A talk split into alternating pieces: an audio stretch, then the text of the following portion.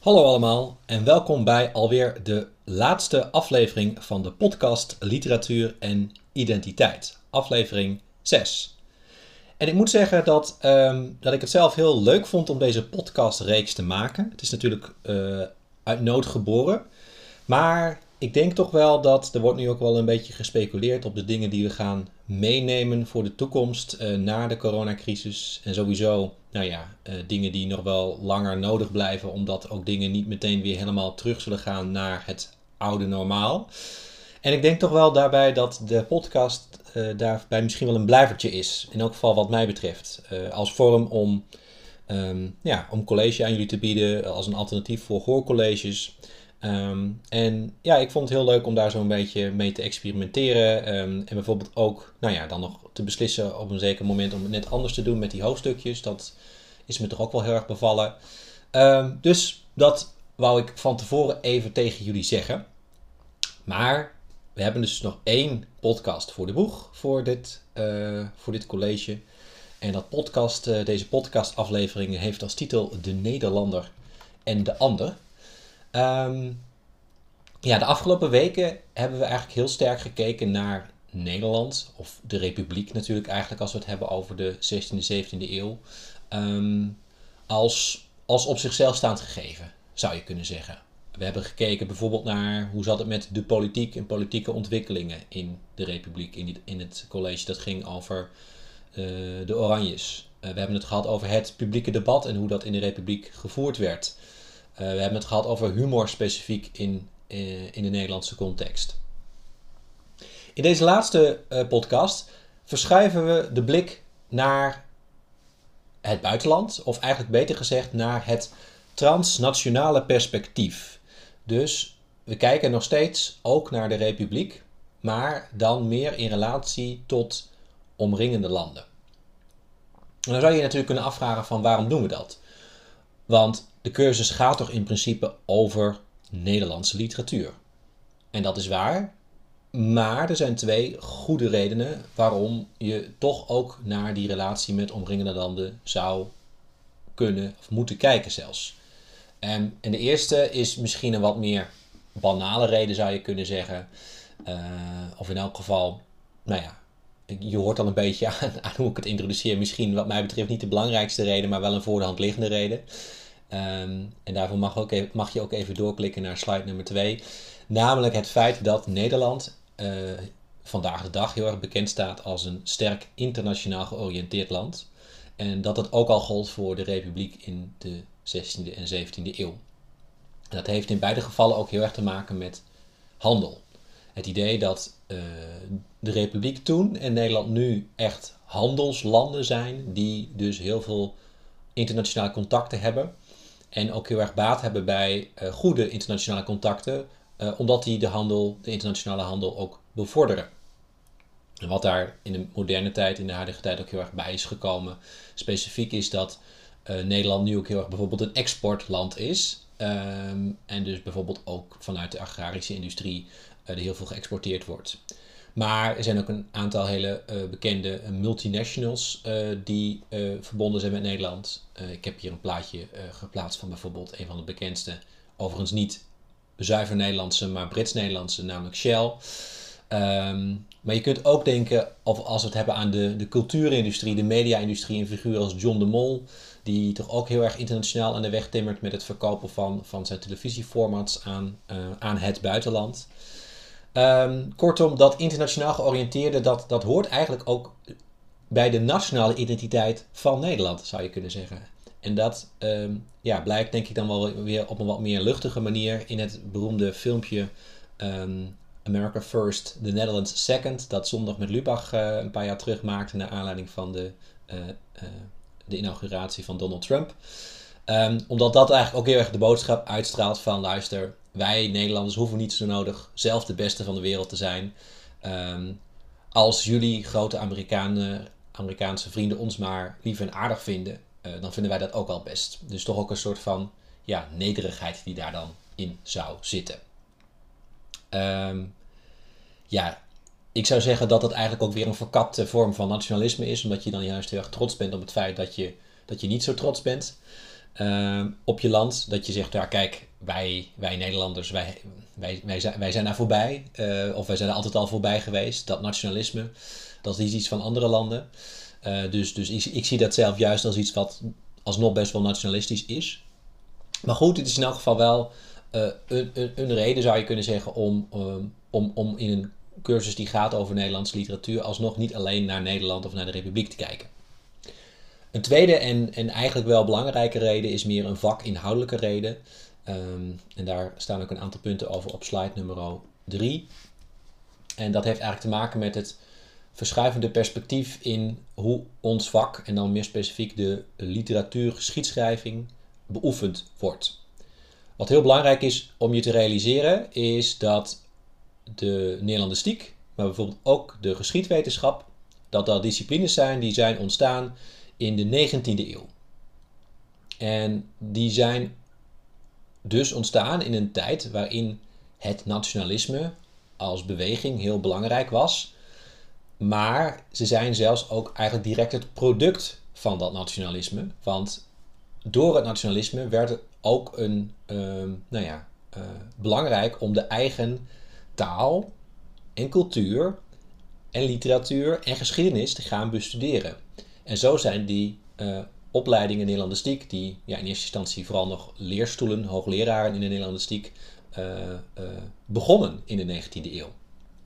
En dat betekent dus ook dat de manier waarop ons vak beoefend wordt, tot op de dag van vandaag heel erg schatplichtig is aan die 19e eeuwse manier van kijken naar de geschiedenis in het algemeen en ook specifiek naar de literatuurgeschiedenis. Want toen op dat moment was het dus heel logisch dat geschiedenis en literatuurgeschiedenis dat het ging over het nationale kader. en dat werd ook heel erg in termen van volk gezien, het eigen volk. Het Nederlandse volk ehm, en de geschiedenis van het Nederlandse volk. En dat werd heel erg als een in zichzelf gesloten geheel gezien. Alsof er een aantal verschillende volkeren waren in Europa die allemaal hun eigen geschiedenis en hun eigen cultuur hadden. Uh, die vooral ook heel erg los van elkaar zich ontwikkeld hadden.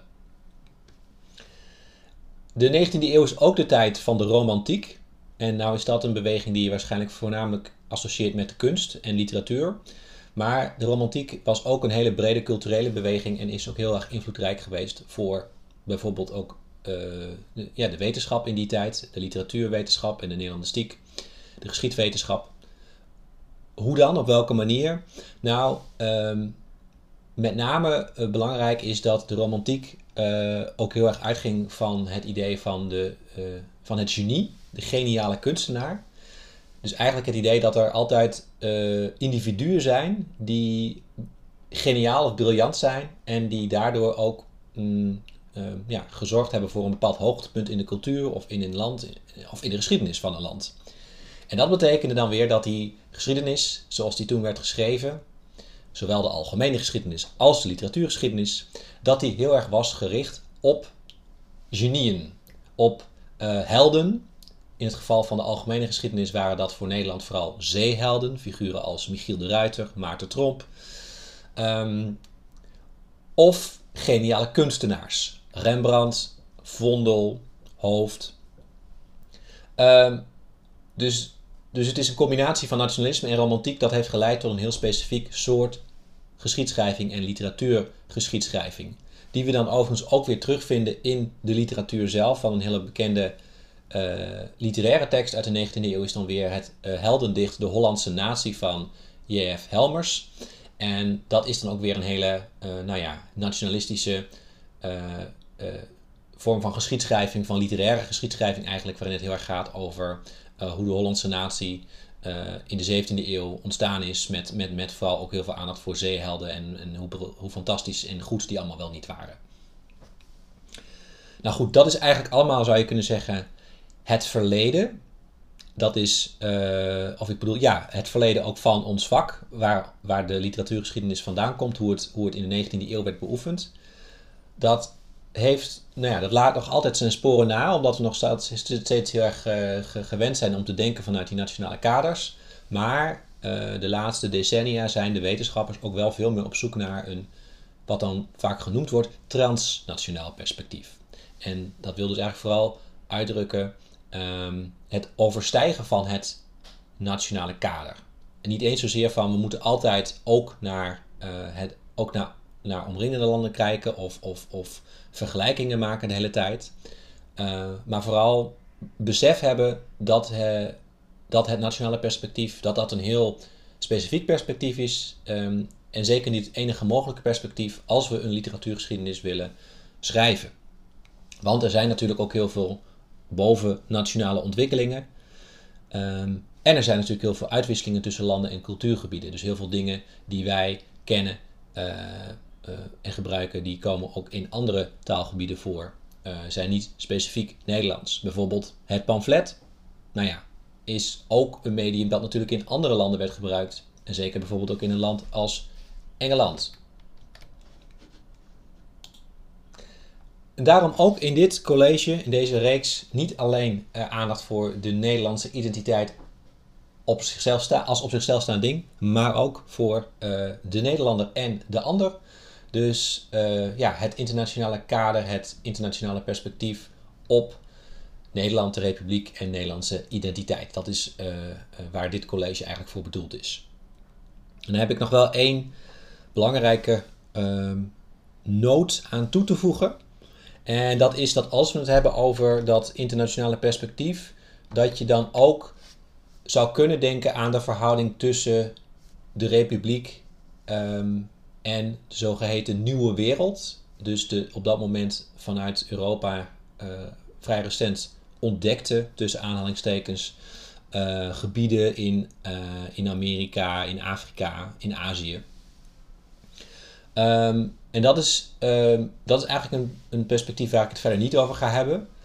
Um, omdat dat gewoon niet zo goed past in het kader van, van deze cursus zoals die nu is opgezet. maar ik wil wel graag melden dat dat dus ook wel iets is waar ook onderzoek naar wordt gedaan en is gedaan. En waar je ook uh, veel over zou kunnen zeggen. Met name aan de hand van het genre van de reisteksten. Er zijn heel veel uh, reisteksten overgeleverd, ook wel wat meer literaire reisteksten uit de 17e eeuw met name. Het scheepsjournaal van uh, Bontekoe is een heel, beke heel bekend voorbeeld. Uh, maar we hebben bijvoorbeeld ook een, een, aantal burleske reisteksten van Arnold van Overbeke, die even langskwam in het college over humor. En die gaan dus wel erg over die zogenaamde nieuwe wereld en over de verhouding tussen de Nederlander en de niet-Westerling. Um, maar daar ga ik het dus niet over hebben. Ik beperk me hier tot Europa. Um, dus het gaat dan eigenlijk vooral over uh, de, de Nederlander ten opzichte van omringende Europese landen. En wat misschien wel aardig is om even te melden, is dat het thema koloniale literatuur, waar dit eigenlijk ook al een beetje over gaat, hoewel uh, ja, de koloniën aan zich uh, als, nou ja, als, nou ja, als verschijnsel eigenlijk iets later tot ontwikkeling kwamen, vooral in de 18e en 19e eeuw. Um, maar dus het raakt wel aan hetzelfde thema, de, de nieuwe wereld, zeg maar. En dat thema, uh, dat komt wel aan bod in een uh, vervolgcursus over, um, over de periode van de verlichting in de romantiek. Um, uh, in de cursus literatuur en engagement, die in het tweede jaar wordt aangeboden. Dus het, het komt nog wel aan bod in de opleiding, wou ik maar zeggen. Goed, hoe ziet deze podcast er verder uit? Dit was natuurlijk weer uh, hoofdstuk 1, uh, 6a, de introductie. Wat krijgen we zo dadelijk? Als eerste een wat meer historisch kader over Europa en specifiek West-Europa in de 16e en de 17e eeuw. Uh, hoe zag dat er precies uit? Waar waren daar een beetje de grote lijnen in? Uh, hoofdstuk 3, oftewel 6c, is een meer theoretisch kader en gaat vooral over de concepten zelf en ander. En het gaat ook over beeldvorming. En tot slot, van daaruit, uh, daaruit vloeit eigenlijk voort uh, het laatste hoofdstuk, hoofdstuk 4, um, ehm, dat wat meer gaat over de literaire toepassing van, van die theorie. Um, uh, op basis van drie belangrijke vijanden van de Republiek in de 17e eeuw. Drie opeenvolgende vijanden, namelijk Spanje, Engeland en Frankrijk.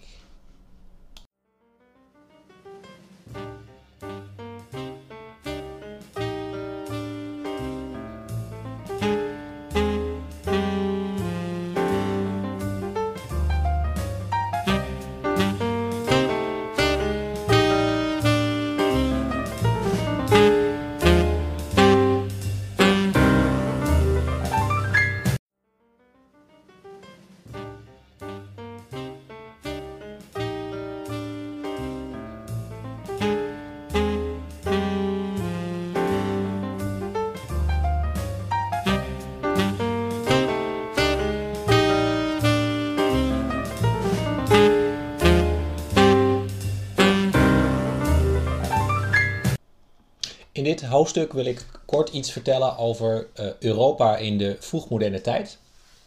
En daarvoor mag je ook even doorklikken naar slide nummer 5.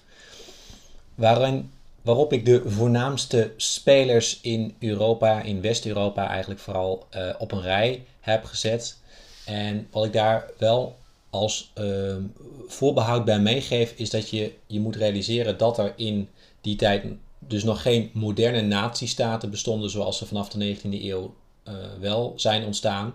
Met vrij vaste grenzen um, en een duidelijke, nou ja, uh, ook een heel duidelijk idee van, van, van, van, van naties en, en, en, en nationale volken. Uh, er waren al wel allerlei ideeën over, nou ja, identiteiten van, van, van, van gebieden. Maar tegelijkertijd meer ook staatkundig gezien uh, wisselden grenzen ook veel vaker. Uh, en zijn er een heleboel regio's, met name in Europa, die ja, eigenlijk voortdurend weer onder een andere heerser vielen. Um, en zijn er vaak ook hele ingewikkelde verhoudingen tussen uh, vorstenhuizen die, die allianties met elkaar aangaan en vervolgens toch weer dat die allianties ook weer uit elkaar vallen. Dus dat is, het, dat is heel belangrijk om je te, te realiseren. Maar dat gezegd hebbend, denk ik wel dat je kunt zeggen dat binnen dat 16e en 17e eeuws Europa, naast de republiek die klein was, maar voor, gezien haar, haar grootte toch ook nog wel, wel redelijk machtig was, tot, tot in elk geval uh, nou ja, het laatste kwart van de 17e eeuw. Dat belangrijke spelers waren Spanje natuurlijk, wat een zelfstandig koninkrijk was. Frankrijk, wat eveneens een koninkrijk was. Engeland, dat een koninkrijk was en later ook, maar dat is wat meer richting het einde van de 17e eeuw, ook uh, uh, een unie, meer een unie gaat vormen met, met de andere gebieden op, op, dat, op die eilanden daar. En tot slot het zogenaamde Heilige Roomse Rijk. En die laatste is eigenlijk ook meteen de meest ingewikkelde, want dat is dus niet echt een heel duidelijk land maar dat is eigenlijk een, een enorme verzameling van zelfstandige hertogdommen en vorstendommen. Met name gesitueerd in, eh, in het huidige Duitsland en Centraal-Europa. Eh, landen eh, als Polen, Oostenrijk, Hongarije. Um, en dat is dus waar, waar, waar boven dan wel één centrale keizer stond. Um, maar die tegelijkertijd, waar, waar, tegelijkertijd ook heel veel diversiteit binnen zat en, en ook onderlinge strijd tussen verschillende gebieden en vorstendommen binnen dat, binnen dat gebied. Maar dit zijn wel de, de, de, de, de, de, de, de gebieden en, en, en, staten die, die de toon aangeven, uh, die ook afwisselend machtig zijn. Uh, aanvankelijk in de 16e eeuw hoort Spanje bijvoorbeeld ook een tijd bij dat Heilige Roomse Rijk. Dat is de tijd van Karel V. En dan is dat eigenlijk ook het, het machtigste. Um, nou ja, Ehm, gebied ehm, in Europa. Later in de 17e eeuw krijgen Engeland en Frankrijk allebei weer wat meer macht uh, en, en, en, worden die weer wat dominanter. Maar in elk geval zijn dat dus um, ja, zijn, zijn dat de belangrijkste spelers, zou je kunnen zeggen. En het zijn dus ook spelers waartoe de republiek zich op de een of andere manier moet verhouden. En ook ja, waar ook conflicten zijn uitgebroken uh, gedurende deze periode, waar ik het later nog wel wat meer over zal hebben. Maar eerst als je even doorklikt naar de volgende slide, slide nummer 6, dan heb ik een aantal belangrijke gebeurtenissen op een rij gezet die plaatsvinden in Europa in de 16e en de 17e eeuw. Het zijn deels dingen die al wel eerder zijn langsgekomen. Um, bijvoorbeeld de reformatie, ja, eigenlijk de godsdienststrijd die ontstaat, uh, het verzet tegen de katholieke kerk, uh, waar Luther, een hele belangrijke rol in speelt. Dat uh, komt op in de vroege 16e eeuw al. Eerst in Duitsland, maar later ook in de rest van Europa. Uh, en heeft dus eigenlijk op alle, ja, in heel Europa heeft dat invloed, die, die ontwikkeling. En ook heel lang, eigenlijk de hele periode waar wij het over hebben door, speelt dat nog heel sterk. Onder andere uh, ook in Frankrijk, ehm, waar in de uh, tweede helft van de 16e eeuw de, een heleboel losse godsdienstoorlogen, ook steeds eigenlijk tussen katholieken en protestanten, worden gevoerd. Dus dan is Frankrijk heel erg uh, in oorlogen verwikkeld en daardoor ook eigenlijk niet zo'n nou ja, niet zo'n hele dominante speler internationaal, omdat ze te veel nou ja, met hun eigen uh, problemen bezig zijn. Ehm, ook heel belangrijk in Europees perspectief is de 30-jarige oorlog. Die is in Nederland niet zo bekend, maar in heel veel omringende landen, en zeker in, in Duitsland en Centraal-Europa wel. Omdat dat uh, een behoorlijk bloederige oorlog was, ehm, die vooral ook weer draaide om godsdienst en spanningen tussen katholieke en protestantse staten binnen dat Heilige Roomse Rijk. Uh, en dat speelde zich dus ook met name in Centraal-Europa af, uh, waarbij sommige van die uh, vorstendommen en hertogdommen ehm, kozen voor het protestantisme, andere weer voor het katholicisme. en daar heel veel, heel veel strijd en oorlog over was. Engeland had rond het midden van de 17e eeuw zijn eigen oorlogen. Want eigenlijk valt op dat Engeland zich, ook omdat het op een eiland ligt, deels afzijdig kan houden van, van, van, van ontwikkelingen zoals die 30-jarige oorlog. Ehm, natuurlijk is er in Engeland ook wel strijd over katholicisme en, en protestantisme. Daar heeft ook die burgeroorlog wel iets mee te maken. Hoewel dat zeker ook uh, een, een machtsstrijd is eigenlijk tussen het parlement en de koning in Engeland. Dat is eigenlijk de kern. Uh, waarbij in eerste instantie uh, het parlement aan het langste eind trekt en de koning, Karel de eerste, wordt onthoofd. Maar al vrij snel pakt de koning ook de macht weer terug. En het is dus ook echt een strijd tussen aanhangers van de koning en van een, een machtspositie voor de koning versus aanhangers die vooral het parlement veel macht willen geven. Dan wordt in 1648 niet alleen de 80-jarige oorlog tussen de Republiek en Spanje beëindigd met de Vrede van Münster, maar tevens ook de 30-jarige oorlog met uh, een hele reeks andere verdragen die bij elkaar uh, de Vrede van Westfalen worden genoemd. Münster lag natuurlijk in Westfalen en was dus een van de plekken waar die verdragen werd gesloten, maar uh, dat gebeurde ook nog op andere plekken. Daarmee eindigt dus eigenlijk uh, ja, voor, voor, voor Centraal-Europa die hele heftige, bloederige episode. En dan zien we eigenlijk in de tweede helft van de 17e eeuw dat vooral Frankrijk steeds belangrijker wordt in 1661 uh, uh, vangt de regeerperiode van uh, de beroemde vorst Lodewijk XIV aan. En vanaf dat moment wordt Frankrijk ook een steeds dominantere macht in Europa, zowel in politieke als in culturele zin. Wat zijn nu de algemene trends? Die heb ik op slide 7 op een rijtje gezet. Om te beginnen zou je kunnen zeggen, er is bijna voortdurend oorlog en strijd. Dus um, het is heel goed om je te realiseren dat niet alleen wat betreft de Republiek, maar überhaupt in Europa uh, de situatie van vredestijd, zoals wij die nu toch al behoorlijk lang kennen, uh, die was er niet. Uh, er was altijd wel een oorlog gaande en dat kon vlakbij zijn, dat kon wat verder weg zijn, maar het gegeven van oorlog was heel belangrijk. En dat zie je dus ook voortdurend terug in teksten. Bijvoorbeeld ook in de primaire tekst van deze week, uh, Lucifer, zeg ik alvast. Waarin oorlog ook eigenlijk en strijd op de achtergrond een hele belangrijke rol spelen.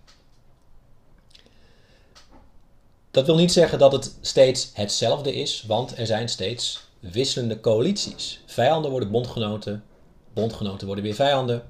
En dat betekent dus ook dat op het ene moment ook voor de republiek een, bepaalde, een bepaald ander land heel duidelijk de vijand kan zijn. En uh, misschien nog geen tien jaar later is het alweer juist een bondgenoot. Of afhankelijk ook van uh, ja, je eigen positie binnen een land. Uh, of, je bij, of je bij wijze van spreken een aanhanger bent van de stadhouder of van de staatsgezinde. Maakt het ook nog weer uit wie je als internationale vijand ziet en wie niet. En wat toch ook wel heel erg belangrijk is, is dat die oorlog en die strijd uh, niet voorkwam dat er ook een hele sterke internationale uitwisseling plaatsvond. Dat er juist ook heel veel samenwerking plaatsvond. Er waren hele intensieve handelsrelaties tussen Europese landen. En dat was ook, het waren soms ook handelsoorlogen. Um, daar komen we straks nog wel op te over te spreken als het gaat over strijd tussen Nederland en Engeland. Het waren ook vooral vaak handelsoorlogen. Maar ook waren er dus heel veel handelsrelaties. En werd er, werd er met elkaar gehandeld. Want, nou ja, daar konden beide partijen dan profijt van hebben. Ook op het niveau van uh, het bestuur, uh, adel, zien we ook heel veel dwarsverbanden. Um, uh, die verschillende vorstenhuizen in Europa die kunnen enorm de strijd met elkaar aangaan, maar kiezen er ook juist heel vaak voor om, om samen op te trekken door huwelijken en door overerving. Ehm, en dat gaat vaak goed tot het moment dat één uh, coalitie van, van, van, van vorstenhuizen dan weer te, te, te sterk wordt volgens anderen.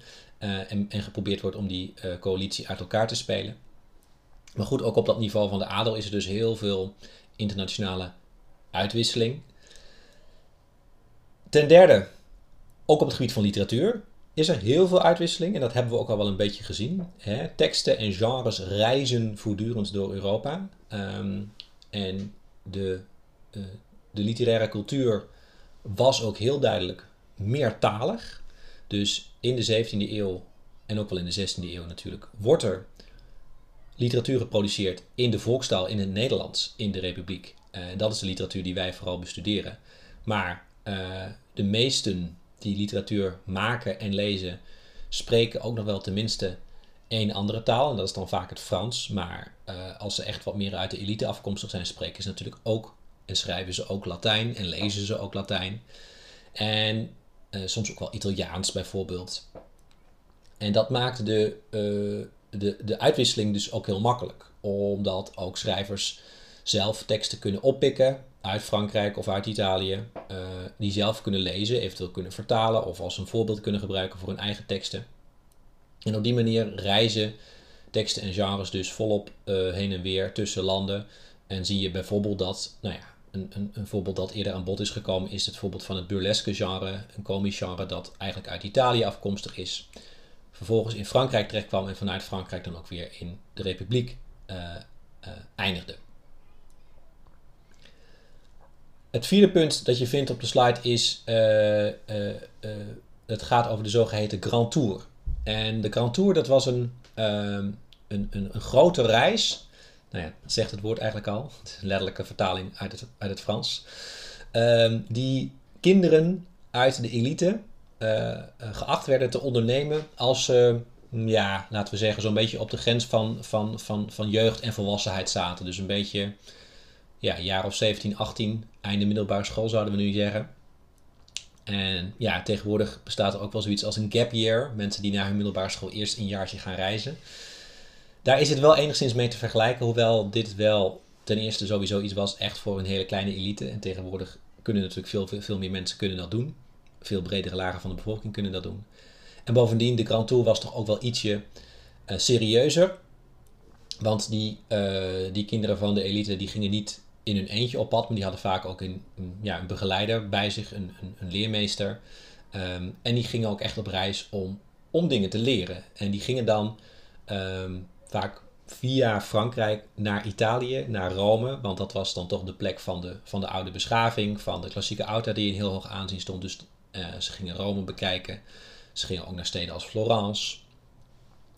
Um, om de architectuur daar te zien, om daar misschien ook al wat contacten te leggen. Um, en dat was dus ook een heel internationaal fenomeen. En dat laat dan ook alweer zien dat, dat nou ja, ondanks al die oorlogen uh, er dus ook wel heel veel uitwisseling uh, plaatsvond. Uh, en er dus zelfs al wel een soort voorganger van het huidige Erasmus-programma te, te, te, te herkennen is. Tot slot, een punt dat vorige week al even aan bod kwam in het kader van het college over de vroege verlichting. Er was natuurlijk ook nog die cosmopolitische gemeenschap van geleerden, die Republiek der Letteren. Um, die ook vooral op papier bestond, omdat die vooral uh, uh, werd, werd gemaakt door de correspondentie tussen geleerden op verschillende plekken in Europa. Maar dat hele zoeken naar kennis, uh, naar nieuwe kennis, naar geleerdheid, ook dat was een bij uitstek pan-Europees fenomeen, waarbij Europeanen uit, uit verschillende delen van, van dat continent intensief met elkaar samenwerkten.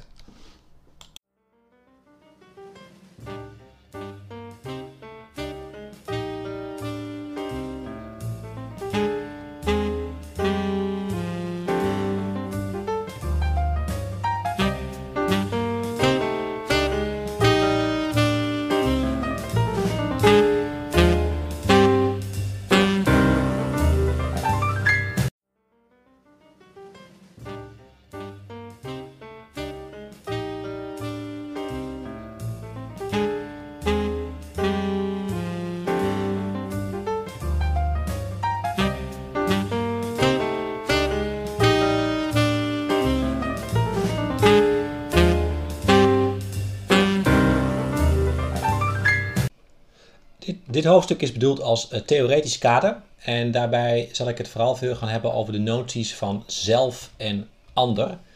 Maar voordat ik dat doe, keer ik even terug naar iets waar ik in het eerste podcast hoorcollege al iets over gezegd heb, namelijk het concept identiteit. En daarvoor kun je naar slide 8. Ik heb daar toen een aantal dingen over gezegd die ik nog even wil herhalen. Of ik wil dan ook van een paar dingen uitpikken. Uh, die, die nog steeds heel belangrijk zijn, denk ik, om te, om onthouden. Namelijk dat identiteit, zoals opgevat door eigenlijk alle wetenschappers, uh, geen essentie is, maar een constructie. Dus het is geen waarheid die uh, eventueel klopt of niet klopt, maar het is iets dat wij mensen, samenlevingen, groepen binnen samenlevingen of individuen construeren, maken. En wat dus ook kan veranderen, uh, maar wat ook doorgegeven kan worden. Uh, kortom, ja, gewoon een, een, een onderdeel van cultuur en ook hoe cultuur werkt. Want dat is eigenlijk ook volgens de opvatting van de wetenschappers een, een constructie en geen essentie. Ik heb ook gezegd dat uh, identiteit gaat over zelfdefiniëring. Uh, wie ben ik of wie zijn wij? Maar ook over erkenning. Wie uh, wordt wie ik ben of wie ik wil zijn of wie wij willen zijn, wordt dat ook erkend. Um, en wat ik daar nu nog aan toe wil voegen is um, het aspect van beeldvorming. Want je kunt zeggen, je kunt een identiteit zelf uitdrukken.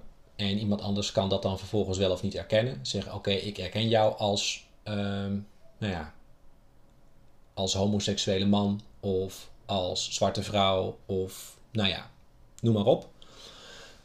Maar beeldvorming uh, speelt ook altijd een belangrijke rol als het gaat om identiteitskwesties. En dat gaat meer eigenlijk over, um, zou je kunnen zeggen, het, uh, het beeld dat er bestaat van een, uh, ja, van een persoon of van een groep binnen een bepaalde cultuur op een bepaald moment. En dat is iets wat natuurlijk heel nauw met het idee van identiteit en identiteitsvorming uh, verbonden is. Maar het legt wat meer de nadruk op, uh, ja, zou je kunnen zeggen, ook nog wel weer op dat, uh, ja, dat, op dat aspect van constructie. Uh, je zou kunnen zeggen dat beeldvorming ehm, kan bijdragen aan het nou ja, in stand houden of juist ondermijnen van identiteiten. Eh, dus in die zin kan beeldvorming ook heel erg in je voor- of in je nadeel werken.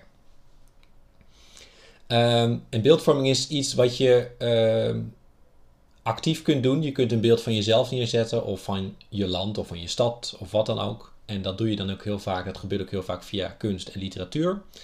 Maar het is ook iets wat uh, meer passief kan gebeuren, namelijk de beelden die anderen aan jou toeschrijven. En dan hebben we het meer over zoiets als reputatie. En op het niveau van nationale identiteit betekent dat dus, je kunt uh, schrijven of ander, ja, schrijven over je eigen land. Maar er wordt vaak ook geschreven over andere landen. En andere landen schrijven ook over jou, over jouw land. Dus er bestaan ook beelden van Engelsen over Nederlanders, van Nederlandse over Engelsen, etc.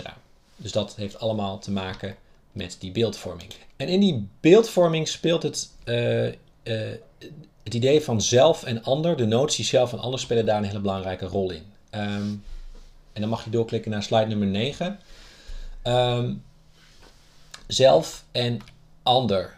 Um, dat gaat eigenlijk over het idee dat zowel identiteit als beeldvorming heel vaak gebaseerd zijn op zogenaamde binaire opposities. En een oppositie is natuurlijk een tegenstelling. En binair wil zeggen, uh, er zijn twee opties en het is ofwel de een ofwel de ander. En nou ja, die, die term binair kennen we ook heel erg uit de hoek van de, uh, van de computerkunde waarbij het gaat om die nullen en enen. Iets is ofwel een 0 ofwel een 1 in computertaal en het kan nooit iets ertussenin zijn en ook nooit iets anders dan 0 of 1. Dus het is of dit of dat. En het idee is eigenlijk dat binaire opposities ook heel erg werkzaam zijn in, in cultuur. Um, en dus ook in, in hoe binnen cultuur identiteiten worden vormgegeven. En nou ja, zelf versus anders is, is zo'n binaire oppositie. Het is ofwel wie je zelf bent, ofwel het is iets anders. Het is wat, iets wat anders is. En vergelijkbare binaire opposities die daar heel sterk aan verbonden zijn, zijn bijvoorbeeld ook de tegenstelling tussen vreemd en eigen. Iets is vreemd of iets is je eigen of hoort bij het eigen. Ehm, en bijvoorbeeld ook binnen versus buiten. Iets zit, ja, hoort aan de binnenkant of het staat er buiten. En wat je merkt bij die binaire opposities is ehm, dat het niet alleen maar of-of is, maar dat er ook altijd een waardeverschil aan gekoppeld is. In termen van met name positief versus negatief en hoog, hoge status versus lage status. En dat is eigenlijk altijd volgens vaste patronen. Dus bij zelf en ander is in principe eh, de default modus is zeg maar dat het zelf is positief en heeft een hoge status en de ander is negatief en heeft een lage status. Vreemd is negatief en laag, eigen is positief en hoog. Binnen is in de regel ook weer positief en hoog en buiten is negatief en laag. En natuurlijk wordt daar ook van afgeweken, maar dat zijn wel de, de dominante patronen. En daarnaast gaat het in dat soort processen ook heel erg over in- en uitsluiten. En dat zit bijvoorbeeld ook met name in dat voorbeeld dat ik gaf van binnen versus buiten. Uh, dan gaat het niet alleen maar over een waardeverschil, maar dan gaat het ook erg over wie hoort erbij en wie niet. Wat valt onder een bepaalde identiteit en wat niet. En een heel concreet voorbeeld uh, uit meer recente tijden is, nou ja, is, de, uh, is eigenlijk dat plaatje dat ik op deze slide heb gezet. Je ziet daar een, een Marokkaanse supermarkt. En je zou kunnen zeggen, um, dat is in principe, ja, je zou dat kunnen zien als typisch Nederlands, omdat het een verschijnsel is dat, dat heel erg sinds een jaar of 30, 40 bij, bij Nederland hoort. Uh, dat het straatbeeld in, in, in veel grote steden in Nederland bepaalt. Um, dus uh, ja, het is iets typisch Nederlands. Dus dan is het heel erg, ja, het is het zelf, het eigen, het hoort erbij.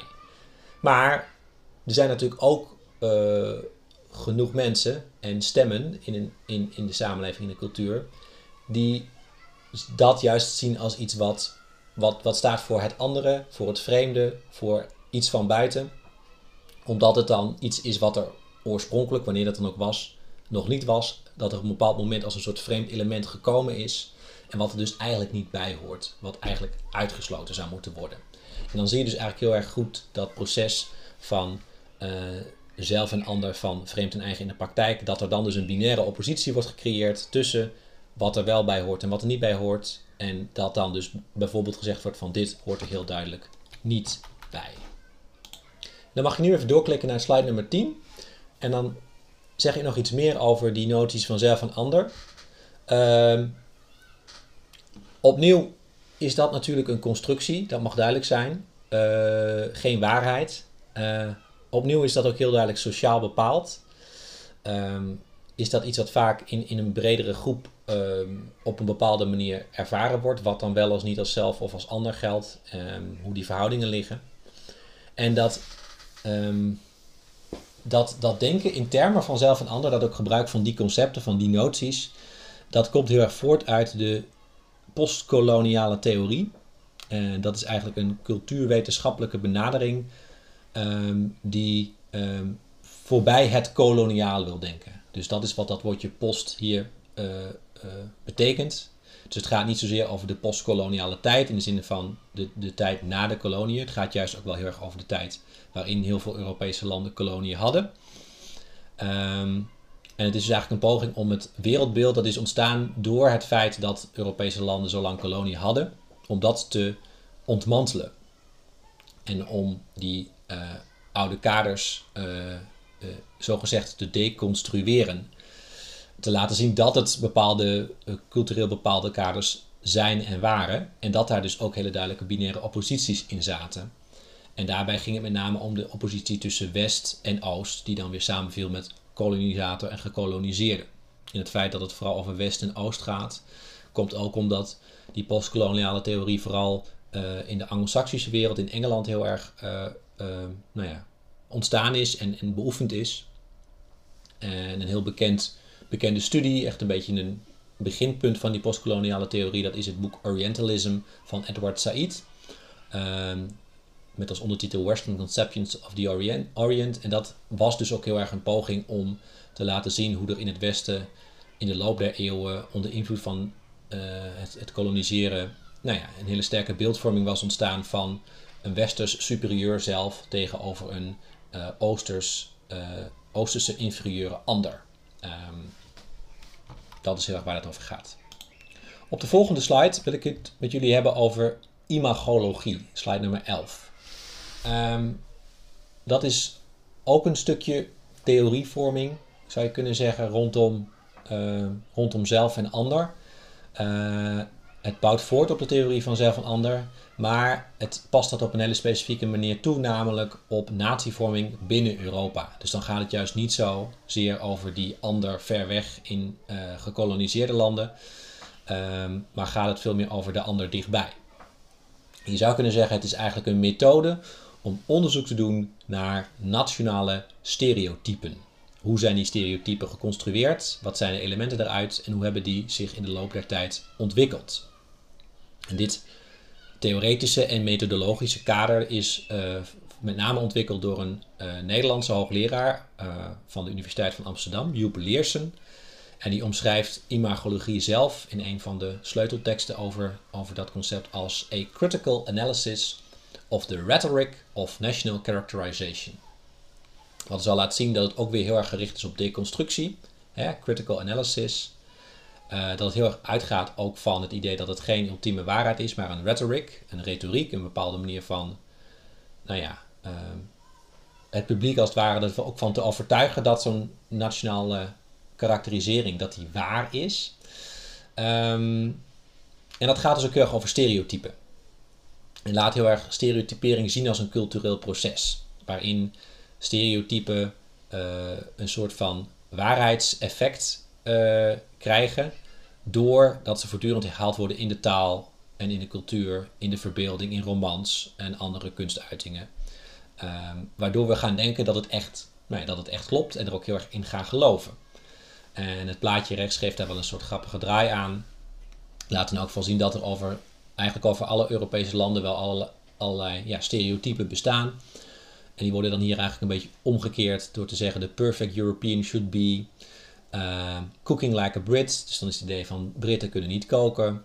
Um, en available as a Belgian, dus het idee is dat, dat je in België nooit uh, door, de, door de ambtenaren geholpen wordt. En zo gaat het nog even door.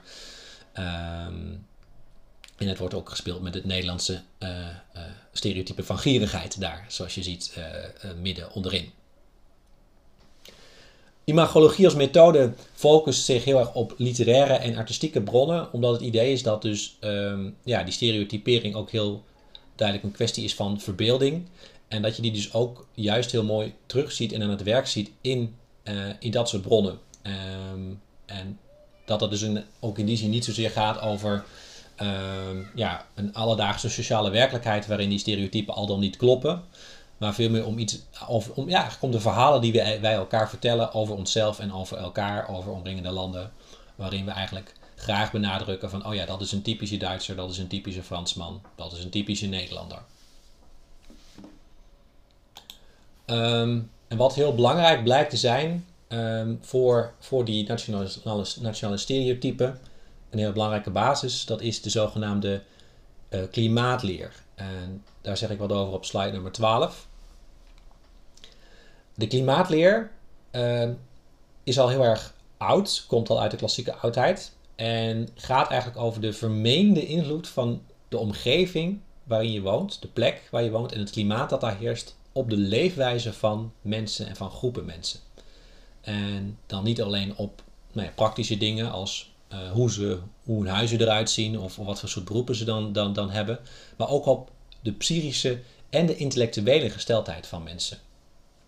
En dat is dus een hele oude, ja, oude theorie, zou je kunnen zeggen.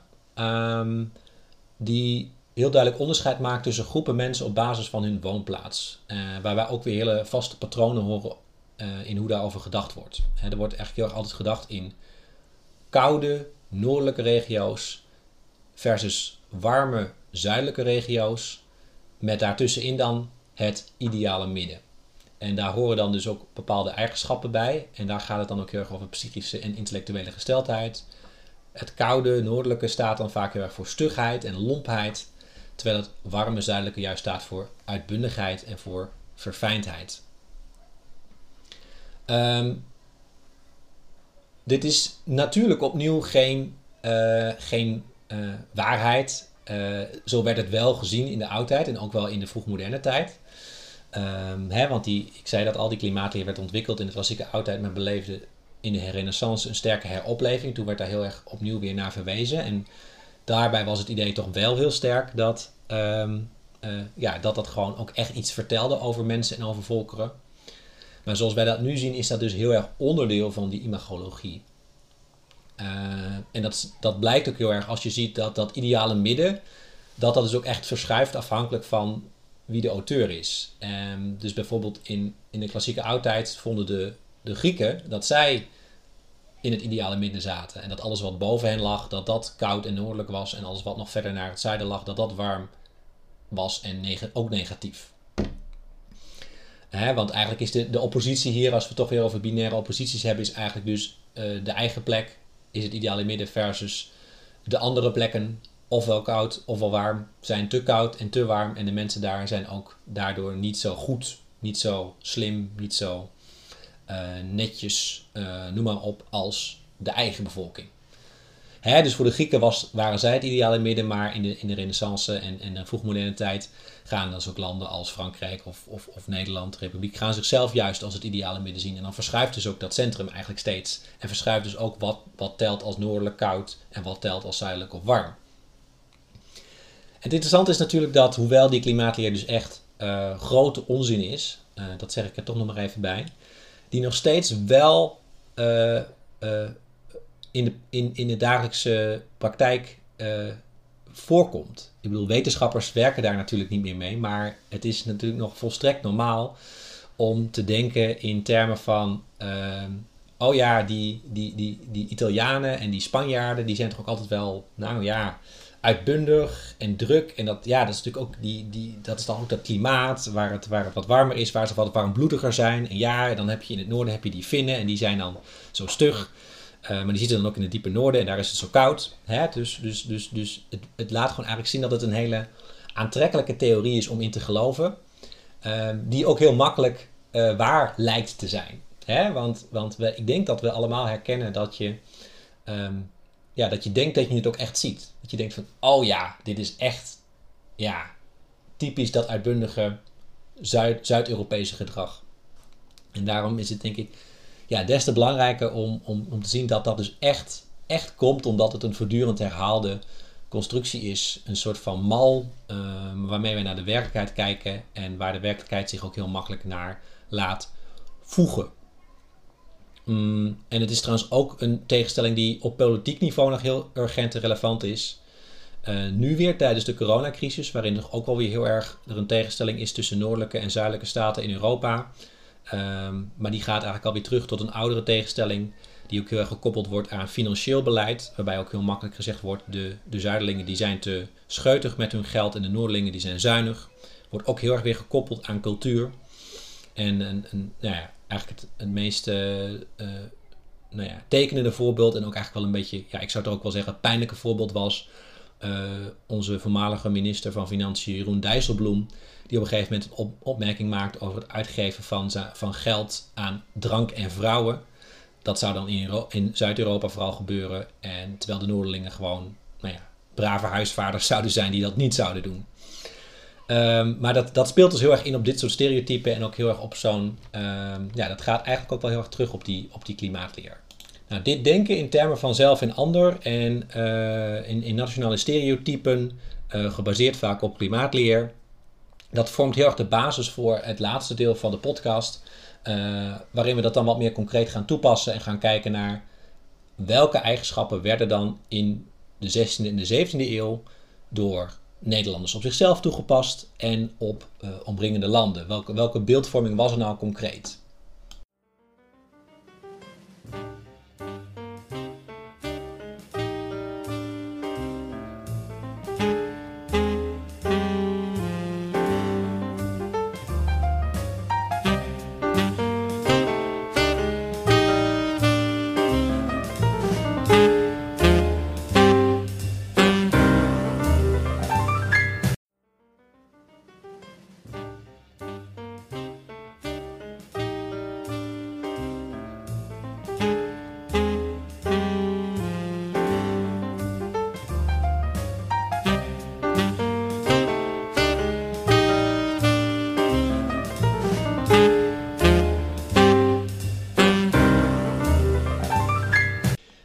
De titel van dit hoofdstukje is De Republiek en haar vijanden. En dat geeft eigenlijk al aan dat ik dat idee van uh, zelfbeelden en beelden van de ander wil koppelen aan de oorlogssituatie waar ik het eerder in, dit, uh, in deze podcast over gehad heb. Omdat ik denk dat je, en dat wordt ook wel in onderzoek, is dat ook wel, wel, wel, wel, wel benoemd eerder. Dat je juist ook in, in, in conflict situaties zie je natuurlijk bij uitstek ook uh, sterker ja, tegenstellingen tussen wij en zij, zelf en ander ontstaan. Maar voordat we daar wat meer op gaan inzoomen, wil ik ook nog wel even iets zeggen over het Nederlandse slash Hollandse zelfbeeld in de 17e eeuw. Omdat daar ook wel het een en ander over uh, bekend is en te melden valt. En daar uh, vind je wat over op slide nummer 13. Het is namelijk zo dat er in de loop van de 17e eeuw, als die republiek als zelfstandige staat steeds machtiger wordt, uh, ook een sterk zelfbeeld ontstaat waar bepaalde eigenschappen bij horen. En voor een deel zijn het eigenschappen die we nog steeds kennen, dus die echt best wel een lang leven hebben gehad. Voor een deel zijn het ook dingen die inmiddels een beetje naar de achtergrond zijn uh, verdwenen, of ze hebben een beetje een, of ze hebben een nieuwe vorm, een andere vorm gekregen. Wat ten eerste een eigenschap was waar de Nederlanders ehm, en ook specifiek de Hollanders, want de, de meeste bronnen die we hierover hebben, die zijn vanuit Hollands perspectief geschreven. En Holland was natuurlijk ook het belangrijkste gewest. Dus uh, in de 17e eeuw Nederlands zelfbeeld betekent vaak toch vooral Hollands, eventueel Zeeuws zelfbeeld. Uh, wat vervolgens wel door die Hollanders op de hele republiek geprojecteerd werd. Maar wat niet per se toen op dat moment al heel erg gedeeld werd door al die andere gewesten. Um, maar één eigenschap daarvan is dan eenvoud. Dus het idee dat uh, ook weer heel erg in contrast met uh, bepaalde andere naties of volkeren die dan veel meer van de, van de weldadigheid, van, van, van, van um, opsmuk, van, van, van, van chicheid en deftigheid zouden zijn, van chique kleren. Uh, daartegenover stond de, de rechtgeaarde Hollander die het liefst het simpel hield en eenvoudig. Uh, die niet te veel te koop liep met zijn welvaart, die er wel was. Um, maar die, nou, die zou kunnen zeggen, die zo lekker gewoon bleef. Um, nou ja, en die eenvoud wordt dus ook wel gekoppeld aan het idee dat in de republiek uh, de macht ook vooral lag bij de, de rijke kooplieden, de patriciërs, en niet bij de, de adel. Omdat juist dat, dat, dat veel opsmuk, dat, uh, dat, dat, dat, dat en, en weldadige, dat het juist wel heel erg hoort ook bij de hofcultuur. En de cultuur van de adel, die juist in de republiek uh, niet zo sterk was. Dus daar hoort die eenvoud ook wel heel duidelijk bij. Een tweede eigenschap die de Hollanders zichzelf toeschreven was vrijheidszucht. Um, en dat werd heel erg sterk gekoppeld in de eerste plaats aan de opstand tegen Spanje en tegen Philips II die natuurlijk heel, die behoorde tot het recente verleden, de recente geschiedenis. Dus dan ging het erom dat de, de Hollanders en de andere uh, gewesten uh, gewoon heel erg onderdrukt werden door de Spaanse vorst. En ze konden niet tegen die onderdrukking, tegen het feit dat ze in hun vrijheid beperkt werden. Uh, dus daarom kwamen ze in opstand, omdat ze gewoon heel erg stonden voor hun eigen vrijheid. Maar daarbij werd wel ook in die tijd heel sterk terugverwezen naar een veel verder verleden. En dan hebben we het over de zogeheten Bataafse mythe. Die was heel populair in de 17e eeuw. En je ziet hier uh, ook een schilderij van Rembrandt dat, dat daar eigenlijk over gaat. En dat verwees eigenlijk naar de, nou ja, de oergeschiedenis van, uh, van de Nederlanden. Uh, het idee dat ooit aan het begin van de jaartelling uh, op die plek de Bataven, de Batavieren, woonden. En dat er in het begin van de jaartelling op een zeker moment een opstand is geweest van de Batavieren en andere Germaanse volkeren tegen uh, de Romeinse uh, keizer, en tegen de Romeinse overheersing. En dat die opstand eigenlijk om dezelfde redenen had plaatsgevonden als die latere opstand tegen Spanje. Dus daar werd een heel erg een parallel in gezocht van toen aan het begin van de jaartelling werden we onderdrukt door de Romeinen. En toen kwamen we ook al in opstand. Um, en nu zijn we ook in opstand gekomen tegen Spanje, want we verlangen zo naar onze eigen vrijheid en onafhankelijkheid. We moeten, wij moeten een onafhankelijk volk zijn en dat wouden die Batavieren ook al zijn. Het is een mythe omdat uh, het, nou ja, uh, sowieso niet zo is dat de, de, de mensen die in de 16e en de 17e eeuw in de republiek wonen op een of andere manier directe afstammelingen waren van, uh, van die Batavieren. Om de simpele reden dat er in de vroege middeleeuwen een heleboel volksverhuizingen zijn geweest. Waardoor nou ja, er eigenlijk helemaal geen directe band is met, met, met, met mensen die dan aan het begin van de jaartelling in dat gebied zouden wonen. En bovendien was het natuurlijk ook, het was ook een heel erg geromantiseerd beeld van dat verleden. Waarin nou ja, die, die Batavieren dus ook als hele dappere strijders werden afgebeeld. Die zelfs ook door die Romeinen dan wel heel serieus genomen werden. En um, nou ja, het ging natuurlijk ook heel erg om een soort van vlijend zelfbeeld van, van uh, ook toen waren we al dappere strijders voor onze vrijheid, net als nu. Um, um, dus het staat als het ware in de sterren geschreven dat wij altijd een vrij en onafhankelijk volk moeten zijn. Handelsgeest is iets nou ja, wat logischerwijs in de 17e eeuw heel erg uh, in opkomst is als een eigenschap van Holland. Um, omdat er heel veel gehandeld wordt, omdat er heel veel succes wordt behaald via de handel, winst wordt behaald, uh, welvaart wordt gecreëerd. Nou, dat is natuurlijk een heel goed voorbeeld van een eigenschap die, uh, die ook nog steeds heel erg aan de Nederlanders gekoppeld worden. Dat ze zulke echte handelaars zijn en zo op economie en op commercie zijn gericht en dat ze daar ook heel goed in zijn. En dat is dus iets wat we ook in de 17e eeuw al vinden. Tot slot, en die is misschien inmiddels een beetje in de vergetelheid geraakt uh, vandaag de dag, maar zeker in die tijd zagen de Hollanders zichzelf toch ook wel heel erg als proper, als schoon en netjes. Alles moest schoongemaakt worden de hele tijd en uh, schoon blijven. En dat was ook trouwens een beeld, uh, moet ik zeggen, dat, dat, dat ook door, door buitenstaanders, buitenlanders wel over Nederland werd verteld. Dat daar, uh, dat daar de huizen altijd heel schoon waren. Dat de, de vrouwen ook voortdurend bezig waren met het huis schoonhouden. En daar heel panisch over waren als het dan weer vies dreigde te worden. Maar in ieder geval hoorde dat ook heel duidelijk bij dat zelfbeeld. Een aardige side note is misschien nog wel dat, uh, dat idee van de vrijheidszucht. Dat je dat volgens mij ook heel mooi weer terugziet van uh, anno nu. In hoe er in Nederland gereageerd is op de coronacrisis. En ook in hoe dat Nederlandse beleid heel erg geframed is in de media. Jullie kennen ongetwijfeld allemaal het woord intelligente lockdown. Nou ja, daar valt van alles over te zeggen waarom dat uh, inderdaad wel of niet echt intelligent is en wat het dan allemaal betekent.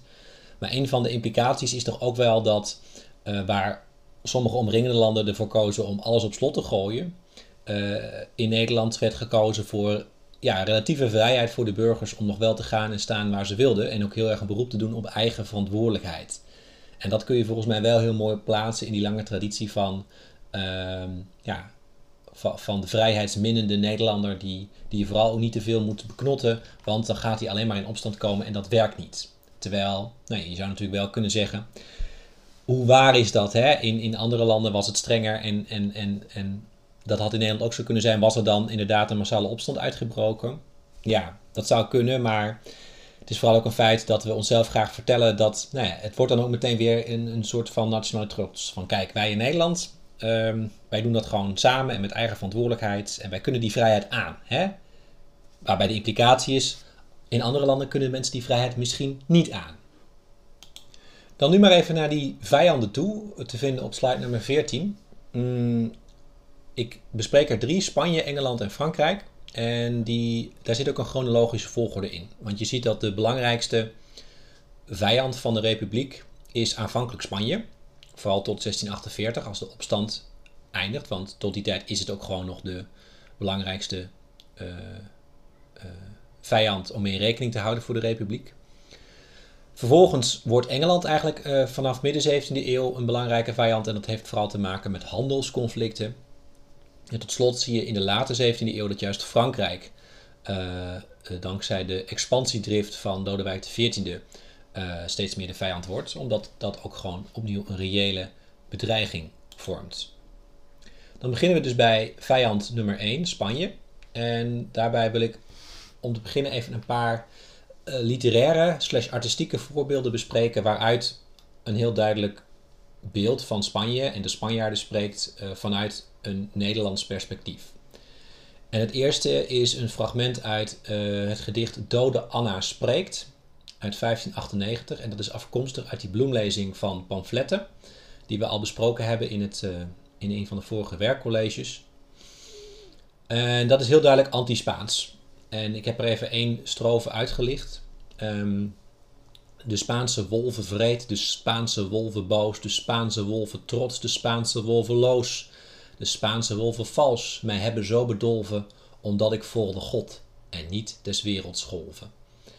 Um, heel duidelijk is dat hier een bepaald beeld van de Spanjaard wordt neergezet. Um, een aantal woorden die ik ook even heb vet gedrukt. Vreed, boos, trots, loos, vals. Allemaal heel duidelijk negatief sowieso. Um, maar natuurlijk ook dat terugkerende, uh, uh, die terugkerende metafoor van de Spanjaard als een wolf. Wat ook heel duidelijk negatief bedoeld is. Wat ook staat voor een bepaald gevaar. Een bepaalde nou ja, vreedheid ook. En nou ja, vreedheid is dan ook inderdaad een van de eigenschappen die veel aan de Spanjaarden werd toegeschreven door de Hollanders. Dat ze heel erg bloederig, vreed, wreed, gewelddadig waren. Maar ook trots, hoogmoedig. Dat is een andere eigenschap. Um, op slide 16 zie je een visueel voorbeeld. Dit is een, um, een prent, spotprent, uh, met, met een onderschrift, een, een, gedicht erbij in het Frans en in het Nederlands. Um, en de eerste regel in het Nederlands is: Houd op in mijn tuin te vroeten Spaanse beren. Uh, de prent komt trouwens al uit 1575, is al wat ouder. En wat je ziet is een, uh, een soort omheinde cirkel. En die moet, uh, dat moet een tuin voorstellen, de Hollandse tuin, de Republiek dus. En daar staat een leeuw en dat is natuurlijk de Hollandse leeuw, symbool van de, de dappere Nederlanders. De leeuw die we nog steeds kennen als onderdeel van het wapen van Nederland. Um, en we zien een heleboel mannetjes zwijnen, zogenaamde beren. Een beer is een benaming voor een mannetjeszwijn. Die zitten te vroeten in die tuin. En dat zijn natuurlijk die Spanjaarden die de republiek aan het nou ja, uh, binnenvallen zijn, aan het aanvallen zijn, proberen te overheersen.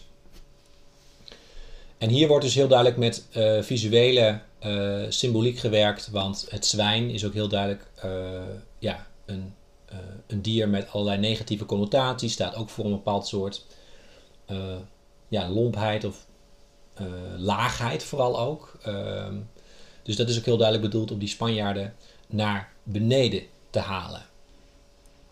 Laatste voorbeeld, slide 17 kennen we opnieuw, ehm, namelijk de Spaanse Brabander, Hierolimo, die aan het begin van dat toneelstuk Spaanse Brabander een monoloogje houdt. En dan begint ja, te vertellen, het is wel een schone stad, maar het volkskunde is te vies. In Brabant zijn de liens gemeenlijk exquies.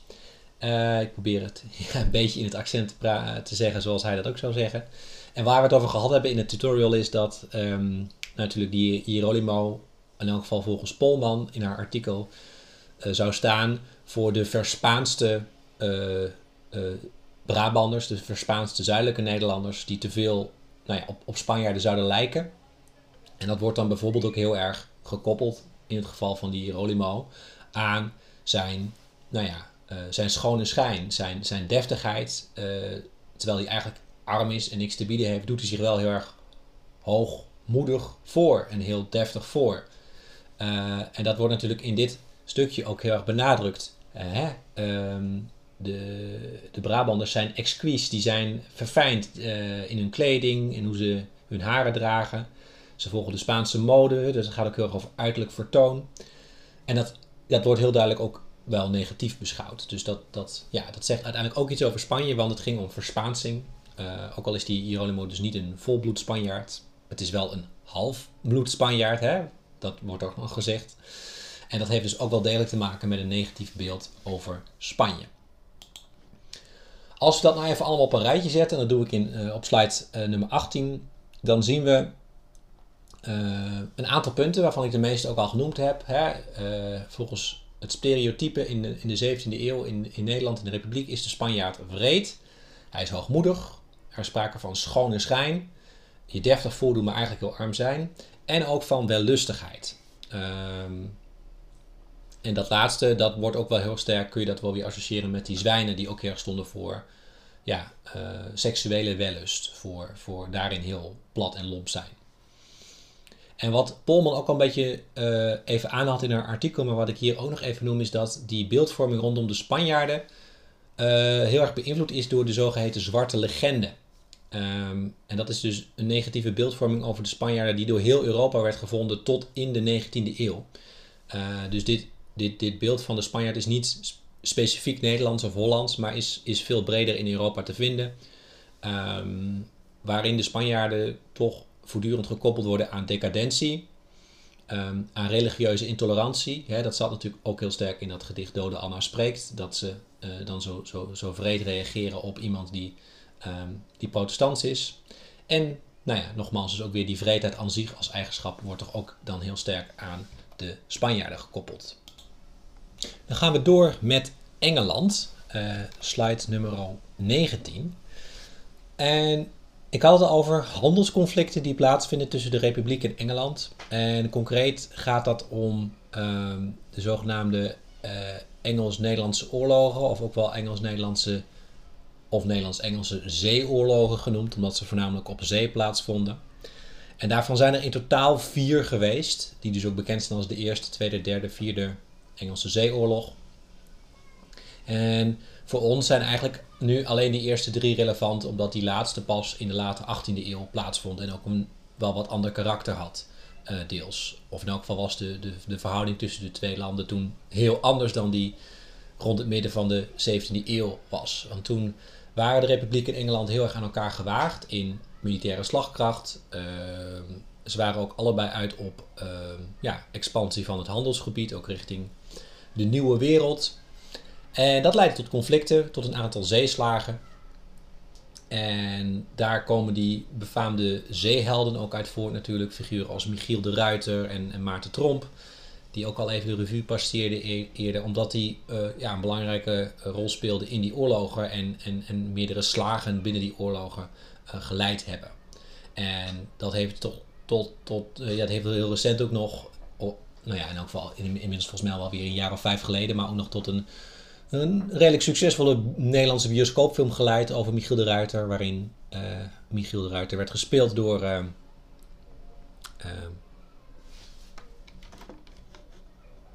Frank Lammers, ik kon even niet op zijn naam komen. Mm, en uiteraard leiden die oorlogen ook tot, van beide kanten tot, tot, tot oorlogspropaganda. In de vorm van pampletten, gedichten. En daar ga ik nu een paar voorbeelden van geven. Als eerste een, een, een gedicht vanuit Nederlands perspectief van Jeremias de Dekker uit 1665. Aan de, aan de doggen, honden dus, verbeten van den leeuw. De doggen zijn dan de Engelsen en de leeuw is natuurlijk de republiek. De waterleeuw dus lang gemuilband al te fel, stuift weder uit zijn nest, al brullende naar buiten, en vaagt der doggen rot, die godvergeten guiten, met tand en nagel toe op het schoonste van hun spel en slaat die allebei zo wakker in hun vel, en speelt zo meesterlijk op zijn metalen fluiten, en weet hun macht zo strikt te knellen en te sluiten, dat hun de neerlaag, neerlaag blijft en hemt vol zeebevel. Zo doggen dieven zo, dat hebt gij voor uw snauwen, dat komt u van de leeuw te pissen aan zijn klauwen, en naar zijn zegewin en waterkroon te staan. Druipt rekels, druipt nu deur met ingetrokken staarten, en houdt de muil voortaan uit zijn vrije vaarten. Of zo gij het anders wilt, het is glad met u gedaan. Nou, dit is heel duidelijk overwinnaarspoëzie. Een moment waarop de, de republiek een slag of zelfs een oorlog gewonnen had. En die, uh, en die stomme Engelsen nog eens eventjes lekker gaat uh, naar beneden gaat trappen. Van uh, pas maar op, jullie probeerden ons aan te vallen, maar als je dat uh, nog eens een keer weer probeert, dan, uh, dan weet je wat de consequenties zijn. Dus het is ook heel veel lof voor, voor de eigen groep. En daarnaast um, ja, negatieve associaties. Uh, het, is, het zijn guiten. en, en ze zijn aan het snauwen. aan het pissen op de klauwen van de, van de leeuw als honden. Ehm, het zijn rekels. Nou ja, een boel negatieve stereotypen zou je kunnen zeggen, of in ieder geval negatieve eigenschappen. Mm, maar de Engelsen konden er andersom ook wel wat van, want op de volgende uh, slides zie je een, een, een Engels pamflet over Nederlanders. The Dutchman's Pedigree, or a relation showing how they were first bred and descended from a horse turd which was enclosed in a butterbox. Dus de afkomst van de Nederlander, Ehm, waarin een heel verhaal wordt verteld over hoe de Nederlanders zijn uh, geboren uit een uh, uit paardenstront dat uh, zat opgeborgen in een, een, doos met boter. Um, en daarin worden enorm veel nou ja, negatieve eigenschappen aan de Nederlanders toegeschreven. Het is heel erg over de top. Je ziet het ook al een beetje in, in, in het beginstukje van de tekst dat je nog wel redelijk goed kunt le lezen together with the most exact description of that great, huge, large, horrible, terrible, hideous, fearful, filthy, ugly, monstrous, misshapen, prodigious, preposterous horse. That shit same turd, the same turd. Dat is dus de afkomst van de Nederlanders is echt, echt monsterlijk en heel slecht. En in dezelfde trant het volgende pamflet, volgende slide. The Dutch bore dissected or a description of Hoogland. Um, waarin dus de, de Nederlander, de Hollander, als een boor, wat dus ook een, mm, weer een zwijn is, uh, wordt, wordt neergezet, onder andere. Um, maar ook in de ondertitel als een lusty, fat, two-legged cheese worm. Dus ook als een worm. Um, en in deze, dit pamflet is het ook wel aardig dat er ook al gespeeld wordt met nou ja, dat typische, die vaak toch ook als typisch Nederlands gezien uh, harde G. Want het is natuurlijk Holland, maar dat wordt dan als Hoogland uitgesproken. Uh, omdat met name Engelsen toch ook wel vaak vinden dat die harde G zo raar klinkt in het Nederlands. Dus daar worden ze dan ook heel erg om belachelijk gemaakt. Nou, dit soort uh, platte aanvallen, uh, zeer karikaturaal, waren dus onderdeel van die strijd en ook van die beeldvorming. Um, als we daar dan eventjes samenvattend naar kijken op slide 23, dan zie je dat de Nederlanders de Engelsen dus vooral representeren als honden, doggen, uh, maar ook wel als duivels of andere helse monsters.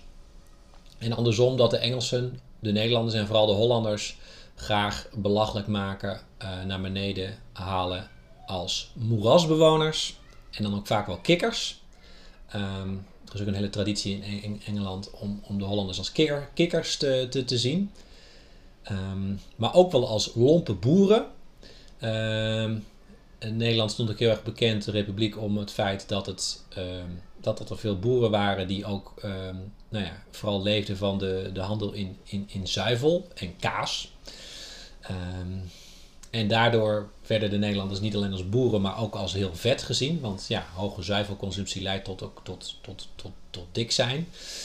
Uh, dus in heel veel spotprenten zie je ook dat de Engelsen de, de Nederlander afbeelden als een hele dikke boer die, nou ja, uh, een beetje zijn commentaar aan het geven is op dingen, maar die eigenlijk nergens verstand van heeft. En tot slot, ook wel een bekend stereotype, de Hollanders zijn geldzuchtig en dus ook wel gierig. Ook dat is iets wat de Engelsen graag uh, herhalen. De laatste vijand die ik bespreek is Frankrijk. En dan mag je doorklikken naar slide 24. Um, heb ik al verteld, maar uh, in de late 17e eeuw wordt Frankrijk uh, groeit uit uh, onder leiding van Lodewijk XIV tot de machtigste staat van Europa. En wat er dan ook eigenlijk gebeurt is dat eigenlijk alle andere landen, behalve Frankrijk zelf, ook die macht heel erg beginnen te vrezen en daar ook ehm, zich tegen gaan verzetten. En, en dat er allerlei oorlogen tussen Frankrijk en verschillende coalities van andere Europese landen ontstaan. Um, de positie van de Republiek ten opzichte van Frankrijk in die tijd, in de late 17e eeuw, is, heel dubbelzinnig. En dat zagen we vorige week ook al een beetje. Um, want er is dus aan de ene kant een hele duidelijke vijandschap, uh, vooral in politieke zin. Frankrijk is een reële bedreiging voor de Republiek, met name aan de zuidgrenzen. Um, maar daar staat tegenover dat juist Frankrijk ook wel op bepaalde punten bewonderd wordt, vooral in culturele zin. Want, en dat heb ik dus vorige week ook verteld, de Franse kunst en literatuur die is heel toonaangevend in die periode, ook in heel Europa. En wordt voortdurend nagevolgd, geïmiteerd ehm, en wordt heel erg op een voetstuk geplaatst. En bijvoorbeeld bij het toneel gebeurt dat heel erg dat dan het, ja, het Frans klassicisme opkomt. Uh, verbonden met dat genootschap Nieuw Volentibus Arduum. Die heel erg op aansturen om het, uh, het toneel uh, in Nederland te, in de Republiek te, te verbeteren en te zuiveren op basis van Franse voorbeelden. Dus dan heeft Frankrijk juist een hele positieve rol. Maar ja, wat er ook wel heel erg overheerst in, nou ja, met name de meer politiek getinte teksten, pamfletten, gedichten in pamfletten, is die, ja, die vijandschap, uh, het feit dat er, dat, dat er toch ook echt wel sprake is van, van oorlog en strijd. En dat klopt ook, want hoewel dat niet zo heel bekend is, um, is het zo dat eigenlijk in de circa 40 jaar tussen 1672 en 1713, en 1713 is het het jaar van de Vrede van Utrecht, het einde van de, uh, de Spaanse successieoorlog, zoals dat heet. Uh, in die periode voerde de Republiek eigenlijk bijna permanent oorlog met Frankrijk. En dat was dus best een lange periode. En in die zin is die strijd met Frankrijk in de late 17e eeuw best wel vergelijkbaar met de strijd tegen Spanje in de vroege 17e eeuw. Um, die strijd heeft dus allerlei, opnieuw, ja, uiteraard allerlei propaganda opgeleverd, met, uh, waar ook weer allerlei beeldvorming in terugkomt van uh, de, de, de, Nederlanders over de Fransen. En ik wil daar nu één voorbeeld van bespreken. Um, en dat, dat voorbeeld dat is een, een pamfletje uit 1708, dus we gaan een klein beetje de, de, de eeuwgrens passeren. Geschreven door, door een zekere Jan Pook. En de titel is Harlequin met de rare kiek. En dan moet je weten dat een rare kiek, dat was in die tijd een kermisattractie. Hij staat ook op de plaatjes. Het was een grote houten doos met een kijkgat. En door dat kijkgat kon je uh, beelden bekijken. Uh, en dat waren vaak meer perspectivische beelden, met dus een soort van, waar een soort van diepgang in werd gesuggereerd. Uh, dus dat had een bepaald effect dat anders was dan gewoon kijken naar een schilderij of een prent. En daar moest je dan voor betalen aan de vertoner. Het was gewoon een rondreizende figuur die van kermis naar kermis en van jaarmarkt naar jaarmarkt ging om daar geld mee te verdienen. Die had zo'n zo'n zo'n zo'n doos en die had bijbehorende prenten. Uh, en dat waren dus de rare kieks en daar, daar verdiende hij dan wat geld mee. En die figuur dat was ook vaak wel een beetje een clownachtige figuur in die tijd. En die, uh, nou, die werd dus ook wel eens aangeduid met de naam Harlequin. Naam afkomstig uit de Italiaanse theatercontext, maar wel staat altijd wel een beetje voor een clownachtige figuur, een clowneske figuur. Ook wel te zien hier opnieuw uh, op de beelden, uh, op de afbeeldingen aan de kleding. Toch meer een soort, soort clowns- of narrenkostuum. En wat heeft hij daar allemaal te maken met Frankrijk en propaganda en beeldvorming? Nou, het aardige is nu dat die, die, die, die rare kiek, uh, dat rare kiek verschijnsel, dat dat uh, geleid heeft tot een soort subgenre van pamfletten, waarin zo'n rare kiek vertoning wordt nagespeeld. Zonder dat we de beelden zien. We krijgen dus niet die perspectivische beelden uit de kijkkasten zelf te zien. Wat we wel lezen is een dialoog tussen Harlequin, dus de vertoner van de rare kiek, en een uh, bezoeker van zijn rare kiek. En die rolverdeling die is heel standaard eigenlijk in al die pamfletten. Want Harlequin die staat eigenlijk voor Frankrijk. En die wordt dus ook heel negatief en uh, slecht en dwaas en dom vooral neergezet. En de bezoeker, dat is altijd een Hollander. En die luistert ook heel vaak naar de naam Jaap. Dat dan in die tijd als een typisch Hollandse naam gezien waarschijnlijk. En om het nog uh, komischer te maken, want dit is, dit is ook heel duidelijk een komisch genre. Uh, ik kan het ook zo kunnen behandelen in het college over humor. Um, beide personages praten met een accent. En vooral de, de, de, de, Franse, de Fransman, Harlequin, dus wordt heel erg ook wel een beetje belachelijk gemaakt om zijn accent. Uh, dus die praat echt met een heel vet, die, die spreekt Nederlands, maar dan met een heel vet accent. En mm, uiteindelijk komt het er altijd op neer dat er een misverstand ontstaat tussen Jaap en de Harlequin. Um, en dat misverstand gaat ook heel vaak over wat er te zien is in die rare kiek.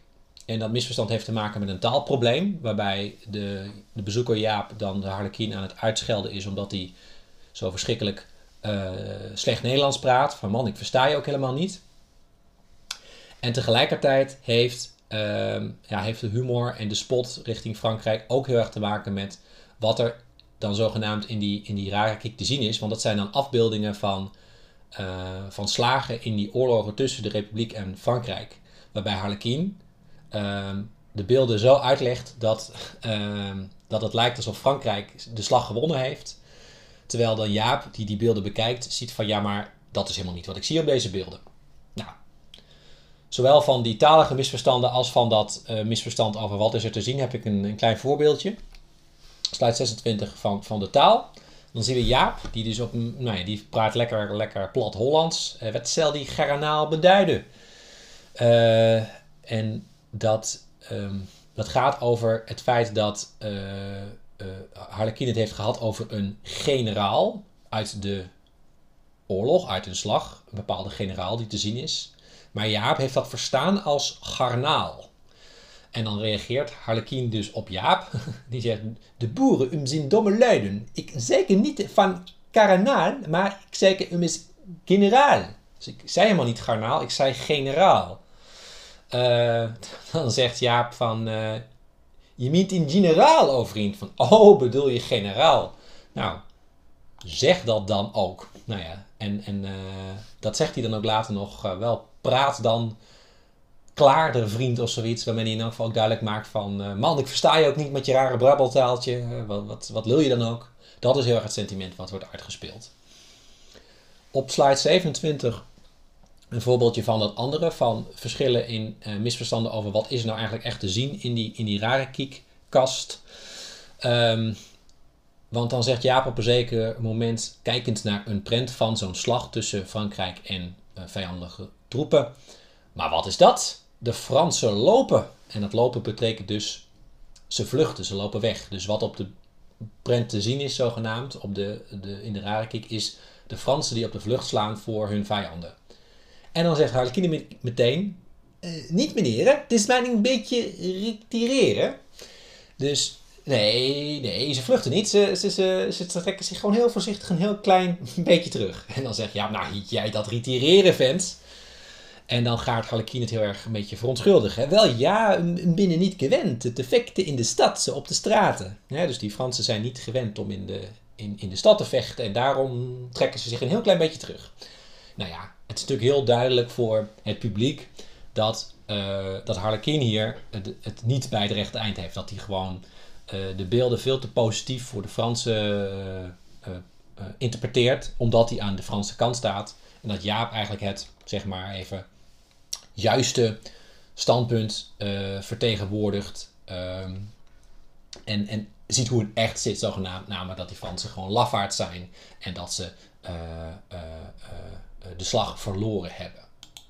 En met dit voorbeeld zijn we aan het einde gekomen van deze podcast. En daarmee ook aan het einde van deze podcastreeks.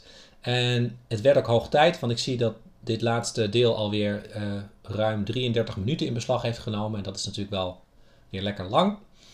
Mm, nou, ik zei natuurlijk aan het begin al, ik vond het ontzettend leuk om deze podcasts te doen. Ik ga het denk ik echt nog wel vaker doen.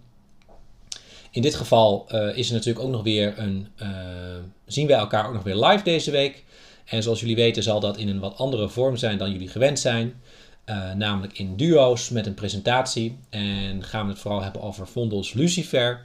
En twee artikelen die daarover gaan. En in elk geval één van die twee artikelen raakt ook wel heel direct aan dat thema van de Nederlander en de ander. En ook hoe Lucifer ook heel erg gezien kan worden als een stuk dat past binnen een context van oorlog en van vijandsbeelden.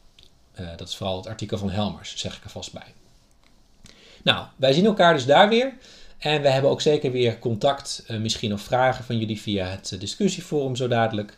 Um, um, of, of, of anderszins. En hopelijk zien we elkaar dan toch ook volgend jaar na de zomer weer eens een keertje live op college. Dat zou ik ook wel heel erg leuk vinden. En tot die tijd groet ik jullie hartelijk.